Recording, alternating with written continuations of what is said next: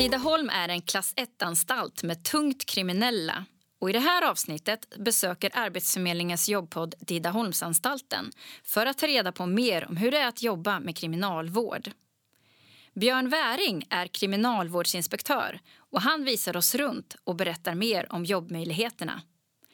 Du lyssnar på Arbetsförmedlingens jobbpodd och jag heter Charlotte Lindman.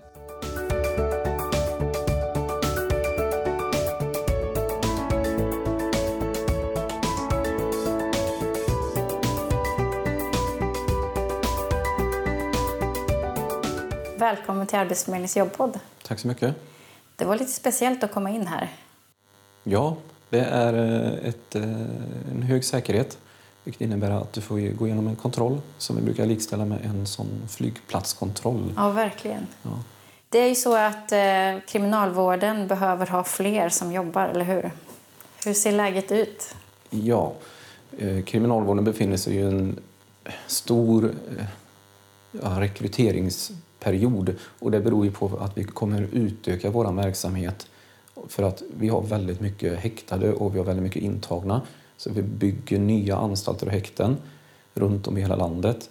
Och eh, det innebär att vi inom några år framöver behöver ett, ja, flera tusen personal egentligen till inom väldigt många olika befattningar. Mm. Men för att man ska förstå hur, man, hur det är att jobba inom kriminalvården, för det är ju väldigt speciellt. Man kände redan när man klev in här, man ser de här stora murarna. Kan du berätta lite om det? Ja, eh, Tidaholmsanstalten är ju en så kallad klass 1-anstalt. Eh, vi har tre klassningar på anstalt idag. Det är ju klass 1, 2, 3 där 3 är öppen anstalt. 1 eh, och 2 är slutna. Eh, sen har vi även eh, säkerhetsavdelningar inne på några klass 1-anstalter. Men detta är högsta säkerhet, klass 1. Vad innebär det då att det är så hög säkerhet? Eh, det innebär att eh, generellt sett kan man säga att eh, de intagna vi har på anstalten de, de har bedömts ha behovet av ha en hög nivå av ja, skydd och kontroll helt enkelt. De flesta är dömda till längre fängelsestraff. Vi har ofta, generellt sett på Tidaholm så är de allra flesta dömda för våld och grova narkotikabrott. Det känns som att det är väldigt speciellt att jobba här. Um, och det kanske är utifrån mina egna fördomar, men hur är det att vara, vara anställd när man jobbar med så tungt kriminella? Ja, det är, eh, det, man, man har ju börjat jobba här för att man vill jobba med människan. Eh, någonstans så, alla som har sökt jobb på kriminalvården och jobbar hos oss har ju ändå en inställning att man vill jobba med människor och eh, vi vill jobba med människor i förändring. Eh, att få vara med och kunna påverka eh, och kunna se den resan man gör Eh, när du kommer som en intagen till oss här. Ja, du är nydömd helt enkelt till ett eh, långt straff. Du kan ha livstidsfängelse. Och eh, att då få vara del i den resan där och vara med och påverka, kunna se, kunna se förändringar hos våra intagna. Det, är en, det är en stor anledning. Sen är det självklart att man, det är ett spännande jobb. Särskilt eh, i början tänker man att det är spännande. Man, eh, man vill... Man har ju oftast ingen koll på den här miljön, precis som du är inne på. Man, man, har, man söker många gånger lite grann så här, ja, jag får se vad det blir lite. Eh, så att, men det innebär att man måste vara en person som man behöver vara ganska trygg i sig själv, veta vad man är för någon. Eh, gärna att man har lite... Vi ser ju väldigt gärna att man har lite erfarenhet av att jobba med människor i första hand eh, och gärna att man har lite koll på hur man faktiskt reagerar och agerar i situationer som kan uppstå. Mm. Du sa det här att man får se lite hur det blir om man börjar jobba här. Hur länge har du själv jobbat? Jag har jobbat i 18 år, eh, snart 19, går in på snart år 19. Trodde du det från början när du började jobba här? Nej, det får jag säga. Det gjorde jag inte vad är det som har gjort att du stannar kvar? Eh, jag har hela tiden känt att det finns så mycket mer. Det är väl det som jag tycker är det häftiga rent ut sagt med att jobba i kriminalvården. Eh, när jag började så hade jag inte en tanke egentligen på någonting annat men att jag jobbade som kriminalvårdare, hade liksom det perspektivet. Hade som ett första mål där att eh, gå kriminalvårdsutbildningen och ja, etablera mig i den rollen. Men sen ju längre man har jobbat så har man ju sett liksom att det finns många vägar att gå. Eh, yrkeskarriärmöjligheter inom myndigheten. Så att eh, jag har testat på ganska många olika saker. Och, eh, nej, jag trodde inte att jag skulle bli kvar så länge. Nej, och idag så är du ju kriminalvårdsinspektör. Vad, vad gör man då och vad är man då? Då är man enkelt förklarat eh, ja, första linjens chef eh, pratar vi om. Eh, jag är alltså den som är närmaste för en kriminalvårdare till exempel. Närmsta chef ansvarig för den verksamheten som är på en specifik avdelning eller enhet här inne. Mm. Du, med din långa erfarenhet så har du ju superkoll på alla delar. Du pratade om också den här karriärsmöjligheten. Men när man då jobbar som kriminalvårdare, som också är ett av de större yrkena inom kriminalvården, eller hur? Mm. Vad gör man då? Ja, när man, om man ska börja så, när man börjar som kriminalvårdare då handlar det väldigt mycket om att lära sig själva basarbetet, grunderna. Och det är ju helt enkelt, eh, pratar vi om Tidaholm just nu, en klass 1-anstalt, då är det ju mycket det här kontrollen, man har eh, eh visitationer, man jobbar ju nära klienten hela tiden. Så att eh, man, ska ju, man ska ju självklart kunna hantera klienter eh, i många situationer. Eh, och sen är det visitationer, man närvarokontroll, eh, man är med på olika verksamheter. Eh, allt ifrån när de är på, ja, vi har en gym helt enkelt och sådana bitar. Då är man med där, har lite kontroll, eh, bevakning helt enkelt. Så att där lite grann börjar man. Sen får man helt enkelt bygga på sin roll allt efter tiden, ju mer van man blir. Men du Björn, hur kommer man in då på det här yrket? Vad är liksom första klivet? Den vanligaste vägen in är att man söker eh, allt som oftast sommarjobb hos oss. Eh, sen så kan man söka direkt på eh, fasta tjänster som kriminalvårdare.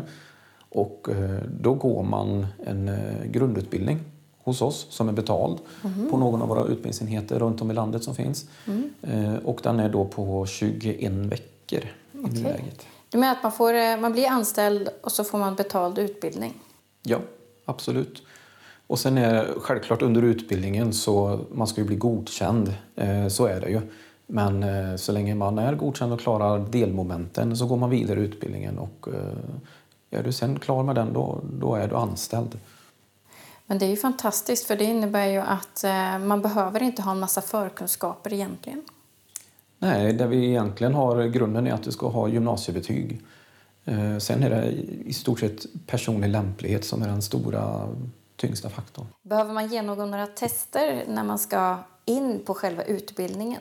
Alltså te inte tester i den, utan det är en rekryteringsprocess med intervju och de bitarna. Eh, vi jobbar med kompetensbaserad rekrytering i kriminalvården så att eh, det blir likvärdigt i hela landet och en likvärdig bedömning.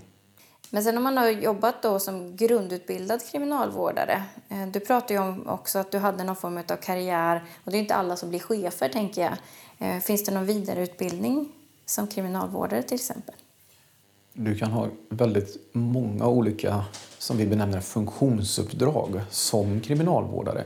Vilket innebär att du kan kompetensöka dig själv ganska rejält genom att inte byta tjänst. Men däremot så kan du få uppdrag eh, olika, där du kan få utbildningar i. Och som, ja, dessa uppdrag de är, varierar i omfattning självklart, hur mycket man jobbar med dem.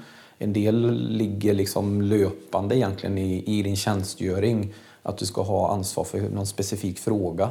Medan vissa är mer riktade saker som man gör lite mer punktinsatser mot att eh, man kanske jobbar med någon dag i månaden eller några dagar i månaden med vissa saker. Vad kan det vara till exempel? Eh, en sak som är ett löpande uppdrag det är eh, barnombud till exempel eh, som man kan jobba som. Man har lite mer kunskap och ansvar för frågor som rör barnen, klienter, våra intagnas barn i de sammanhangen. Men sen finns det andra uppdrag, till exempel instruktör. Där har vi instruktör i flera olika steg, men då är du instruktör för att jobba med nödvärn konflikthantering som en stor, stor och jätteviktig sak i kriminalvården. Jag har så svårt att få en bild över hur det funkar då på en avdelning. Jag, jag tänker mig att man är på, eh, man har de här rummen, korridorerna där eh, de intagna eller klienterna är. Och sen så ska de, de har ju någon form av sysselsättning pratar de om. De går någonstans på dagarna. Kan du berätta, hur, hur ser liksom en dag ut? Mm. Eh, en vanlig dag här är att man eh, låser upp klockan sju på morgonen. Eh, då har de intagna cirka en halvtimme, 40 minuter som de kan gå upp, äta frukost, liksom lite morgonbestyr. Sen så helt enkelt så ska de gå till sysselsättning och den varierar lite grann. De allra flesta här på Tidaholm de går till någon form av arbetsdrift, en verkstad. Vi har några olika. Sen man, det kan även bestå av att man går och man studerar. Vi har en skola, lärcentrum som vi kallar det. Vi har programverksamhet eh, där man går behandlingsprogram. Eh, så att, och sen har vi då en, eh, ja, en sysselsättning som vi benämner som ja, ASV, kallar vi den i kriminalvården. Den kan bestå av lite olika saker på olika ställen men här på Tidaholm så har vi i huvudsak vi kallar det för lite skapande verksamhet. Det är eh, mycket man, lite mer konstaktigt. Eh, man, eh, man gör... Det är kreativt. Lite mer kreativt mm. skapande helt enkelt. Mm. Så att det finns lite olika saker. Men det, det gör man och egentligen man går tillbaka till sin avdelning för att äta lunch. Men, men sen är man på sin sysselsättning den stora delen av dagen. Är det åtta timmar per dag ungefär? Ja, knappt åtta timmar. Ja. Det varierar också lite från anstalt till anstalt, men mellan sex upp mot åtta timmar ungefär. Eh, men när är man då i sin cell? För man är ju ändå i ett fängelse, man är väl inlåst? Ja, precis. När man är i anstalt så är man inlåst 12 timmar. Eh, och här på Tidaholm så är det då, man låses in klockan sju på kvällen och till sju på morgonen helt enkelt. Eh, som sagt, i normalläge så är du då från sju på morgonen, då är du på sysselsättning i någon form av verksamhet under dagen. Sen vid en halv fyra, fyra på eftermiddagen, då har man några timmar innan det är dags för inlåsning som är fritid egentligen. Eh, då är, då är man på sin avdelning, man kan ha, eller man har promenad. Eh, för det måste man ha, det har man liksom eh, laglig rätt till som intagen. Det finns en, en timme eller någonting där som är promenad.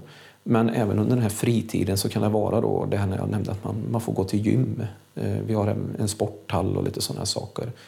Och som, och som kriminalvårdare så följer man med i alla de här delarna hela tiden? Det är mycket bevakning mm. i de här, bevakning och kontroll som sagt i de delarna. Eh, man ska ha koll så att ingenting händer, att det inte försiggår att helt enkelt inte någon försöker avvika eller någonting sådant. Och mycket kontroll hela tiden. Vi ska, vi ska hela tiden veta vart alla klienterna är.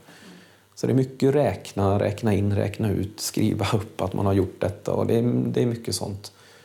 Mm. Jag tänker också som person, du sa att man ska jobba med människor och gärna ha lite erfarenhet av att jobba med människor. Men vad ska man ha för typ av bra, eller vad är bra egenskaper att ha när man ska jobba med den här typen av vård? Man behöver vara en person som man kan... Förstå, man behöver, som jag sa, trygg. Liksom. Man behöver vara lite trygg i sig själv. Man behöver veta lite grann hur jag reagerar. Men egenskaperna, eh, självklart inkännande, eh, läsa av. Varje intagen är ju en individ. Det får vi heller liksom inte glömma. Eh, att det inte blir liksom att bara för att det bor 30 stycken på en avdelning tillsammans som intagna så är det ändå 30 individer. Eh, så att eh, man behöver kunna ha lite förmåga att kunna läsa olika, hur, hur man kan hantera eh, varje person. Det är en sak.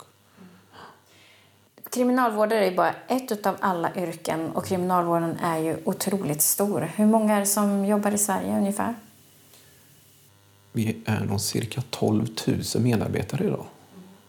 Och eh, vad är det för olika yrkesroller? Jag tänker de som jobbar med den här sysselsättningen, är de också kriminalvårdare eller något annat? Nej, de kallas produktionsledare. Eh, de som sagt finns ju på våra eh, verkstäder i huvudsak som det är ute i kriminalvården och eh, handleder de intagna i jobbet de ska göra. Men även de har ju lite bevakning. De ska ju också ha koll på att inte någonting händer på deras verkstad. De kan ju ha ganska många samtidigt där och så de har ju också ett bevakningsuppdrag i det här. Men i första hand så ska de vara där och lära de intagna det här jobbet som de ska göra och eh, instruera och även kontrollera att det blir rätt och riktigt gjort. Mm. Vad är det fler för yrkesroller man har inom kriminalvården? Ja, vi, vi brukar först och främst brukar vi säga att vi är ju ett samhälle i samhället. Så att vi, vi täcker nästan in det mesta som finns ute i samhället. Eh, men de stora grupperna är ju kriminalvårdare, produktionsledare, jag nämnde att vi hade programledare. Ja, och en programledare, Program... då tänker man kanske någonting helt ja, annat. Jag precis. tänker på min egen roll bland annat. Precis. Nej, här bedriver vi behandlingsprogram. Ja. Eh, och det är det som vi benämner som programledare här hos oss. Eh, och sen har vi som sagt kockar, eh, vi har lokalvårdare Mm, ja, det, det, mötte vi faktiskt flera här nu när ja, vi klev in. Och det var ju samma säkerhetskontroll för dem. De gick igenom, så det, verkar, det, det, gör ingen skillnad helt enkelt om man jobbar här. Det är säkerhet hela tiden. Absolut. Mm. Eh, sjukvård har vi egen sjuksköterskor. Eh, vi har psykologer. Eh, det finns, eh, jag håller på att säga, det är mycket administrativ personal självklart. Eh, sen finns det olika roller. Vi har vakthavande befäl till exempel. Det finns det ju alltid i tjänst, dygnet runt, året runt. Eh, ja, det finns väldigt, väldigt många helt enkelt. Vi har ju som sagt lärare på våra Just det, det pratar jag på skolan, skolan. lärcentrum. Mm. Att, ja, det blir verkligen ja. det här samhället som du sa, i samhället där alla ja. funktioner ska finnas fast ja. innanför de här murarna. Då. Precis, och vi ska vara så självförsörjande vi kan egentligen. Just med tanke på att det är det här med säkerheten. Vi vill ju försöka undvika så mycket som möjligt egentligen att plocka in externa personer. Och är, vi måste ju det emellanåt. Vi kan inte ha all kompetens här innanför våra mur.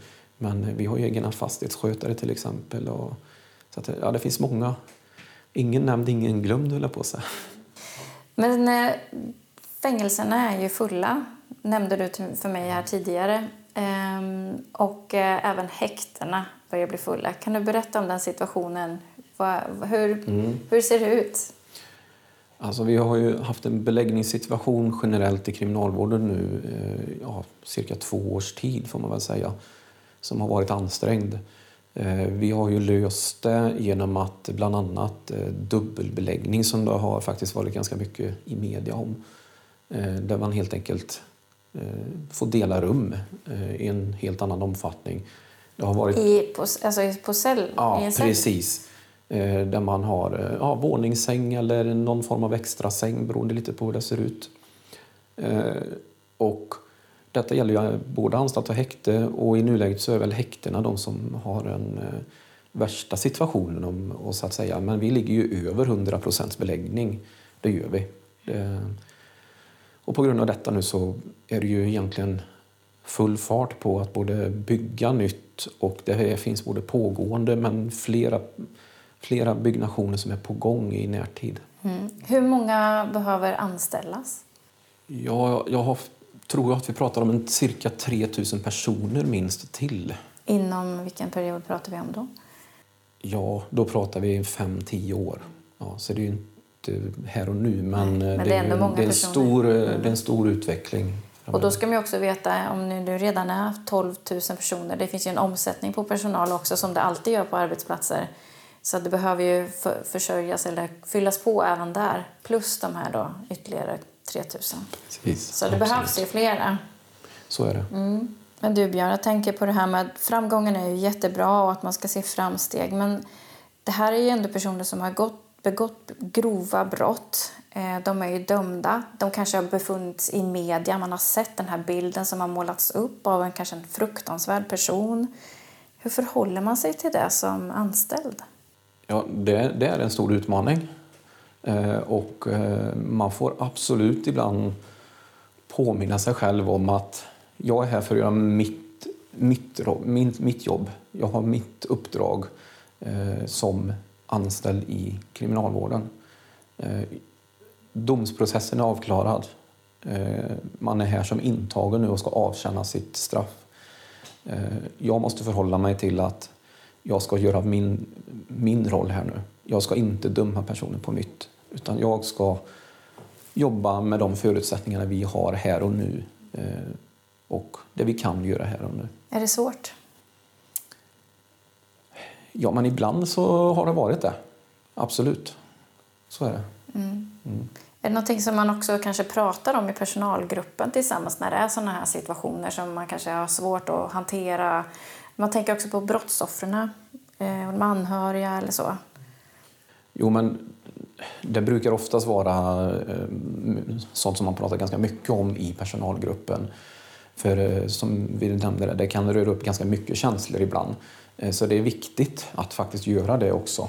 Så att man inte kanske tar med sig för mycket liksom hem efter arbetsdagen utan att är det saker som man känner att det här påverkade mig liksom mycket, situationen eller just precis som vi sa första gången särskilt jag träffar en eh, intagen som kommer som kanske varit jättemedialt uppmärksammad som du nämnde. Eh, då är det viktigt att vi pratar med varandra och stöttar varandra i och kanske hitta strategier för hur vi ska liksom kunna hantera vardagen helt enkelt. Mm. Hur viktigt är det att ha ett bra arbetslag? Det skulle jag beskriva som nästan det viktigaste. Eh, för att det är dina hitta kollegor som har den bästa förståelsen för din vardag här inne. Det är inte lätt att åka hem och du vare sig får eller kan berätta allting. För det, är svårt att få förståelsen. Så att kollegorna är verkligen bland det viktigaste för att eh, du ska trivas och känna liksom att eh, man, det är tuffa dagar ibland. Så är det. Så att, eh, då är kollegorna jätteviktiga.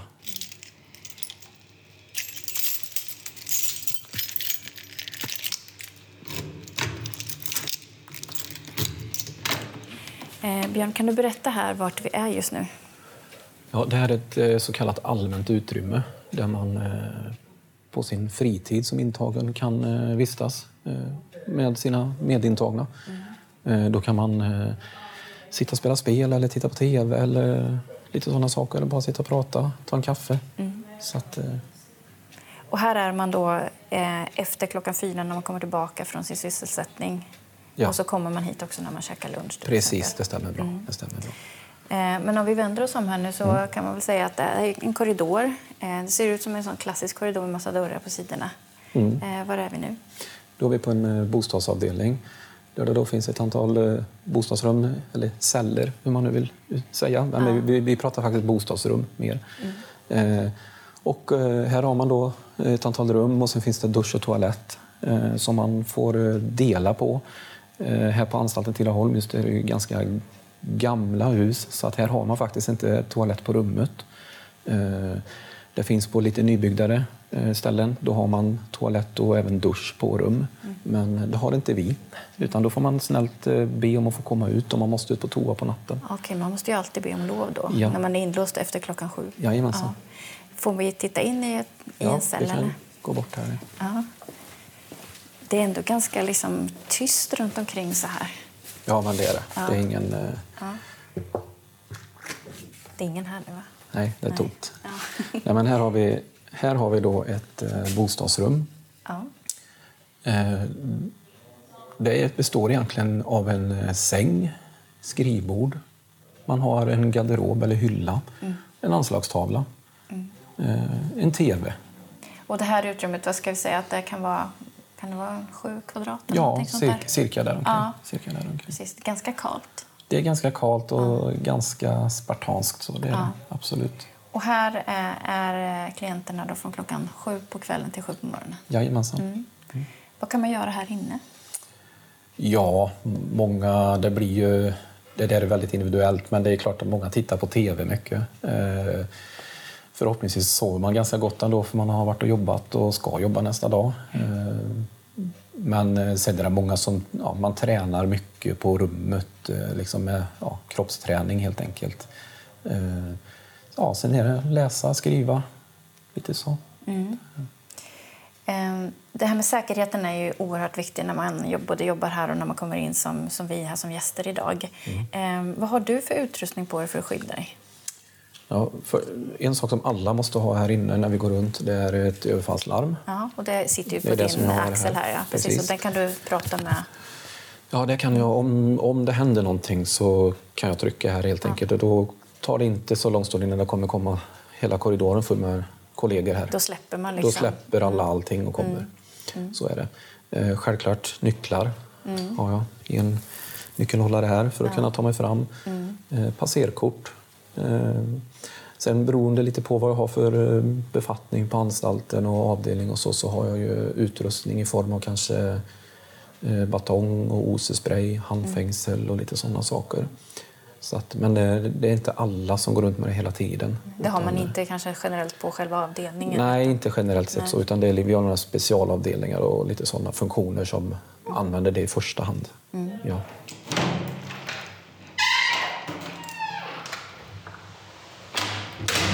Vad tycker du ändå är liksom det bästa med att jobba inom kriminalvården som har fått dig att stanna kvar? Nej, men, först och främst, så, om man börjar då, så tyckte jag att det var ett väldigt spännande jobb. Eh, jag, har, eh, jag har alltid trivts väldigt, väldigt bra. Eh, jag har hela tiden känt det här att jag har utvecklingsmöjligheter. Jag har känt att jag har kunnat gå vidare hela tiden när jag känner att nu börjar jag ha gjort det här. Liksom. Nu, har, nu, nu vill jag utveckla mig. Då har jag hela tiden känt att det har funnits en bra möjlighet till det. Björn Wäring, tack så jättemycket för att du var i Arbetsförmedlingens jobbpodd och berättade om jobbet inom kriminalvården. Tack för att jag fick komma.